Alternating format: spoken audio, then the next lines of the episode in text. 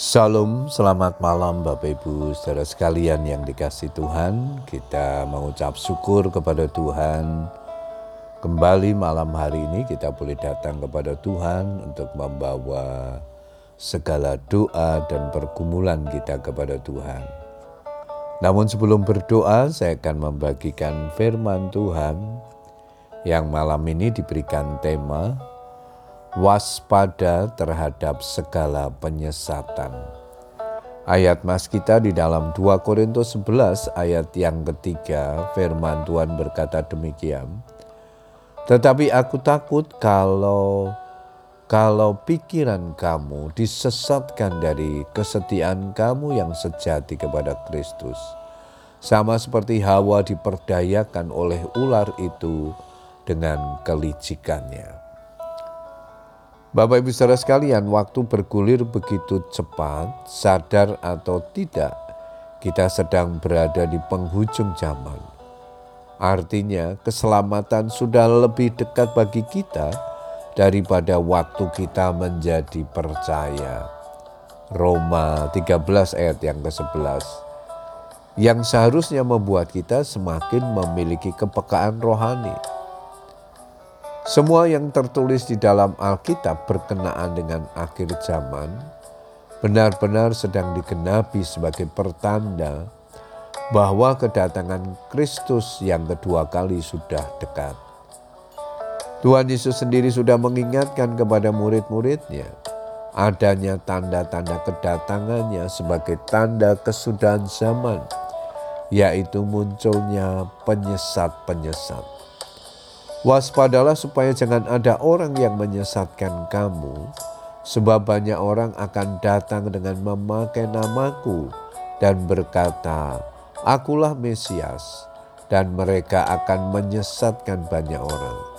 Matius 24 ayat yang keempat dan kelima.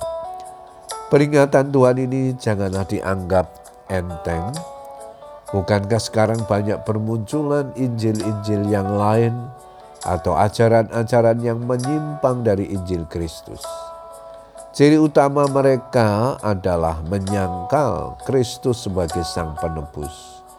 Ajaran-ajaran tersebut tidak mengakui bahwa Kristus telah mati dan bangkit, menggenapi rencana Bapa dalam penyelamatan manusia berdosa. Mereka menyebutkan bahwa Kristus hanyalah sosok nabi biasa yang mengajarkan kebaikan moral kepada para pengikutnya. Inilah pekerjaan dari si penyesat atau iblis yang begitu pandai dan penuh tipu daya. Jika orang percaya tidak memiliki dasar iman yang kuat, tidak berakar kuat di dalam firman Tuhan, akan mudah sekali diombang-ambingkan dan disesatkan. Tidak sedikit orang Kristen yang merasa dirinya kuat secara rohani berkata, apa salahnya kita mempelajari kitab yang lain? Karena kita bisa membuat perbandingan dan menambah pengetahuan. Tanpa mereka sadari, strategi si penyesat telah memperdayakannya.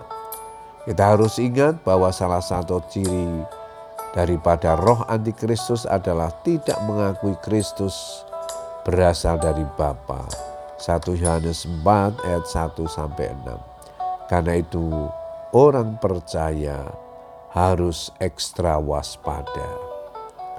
1 Korintus 10 ayat 12 mengingatkan kepada kita. Sebab itu siapa yang menyangka bahwa ia teguh berdiri, hati-hatilah supaya ia jangan jatuh. Puji Tuhan Bapak Ibu Saudara sekalian, biarlah kebenaran firman Tuhan yang kita baca dan renungkan malam hari ini menolong kita untuk kita senantiasa hidup waspada dan berjaga-jaga terhadap penyesatan yang terjadi di sekitar kita.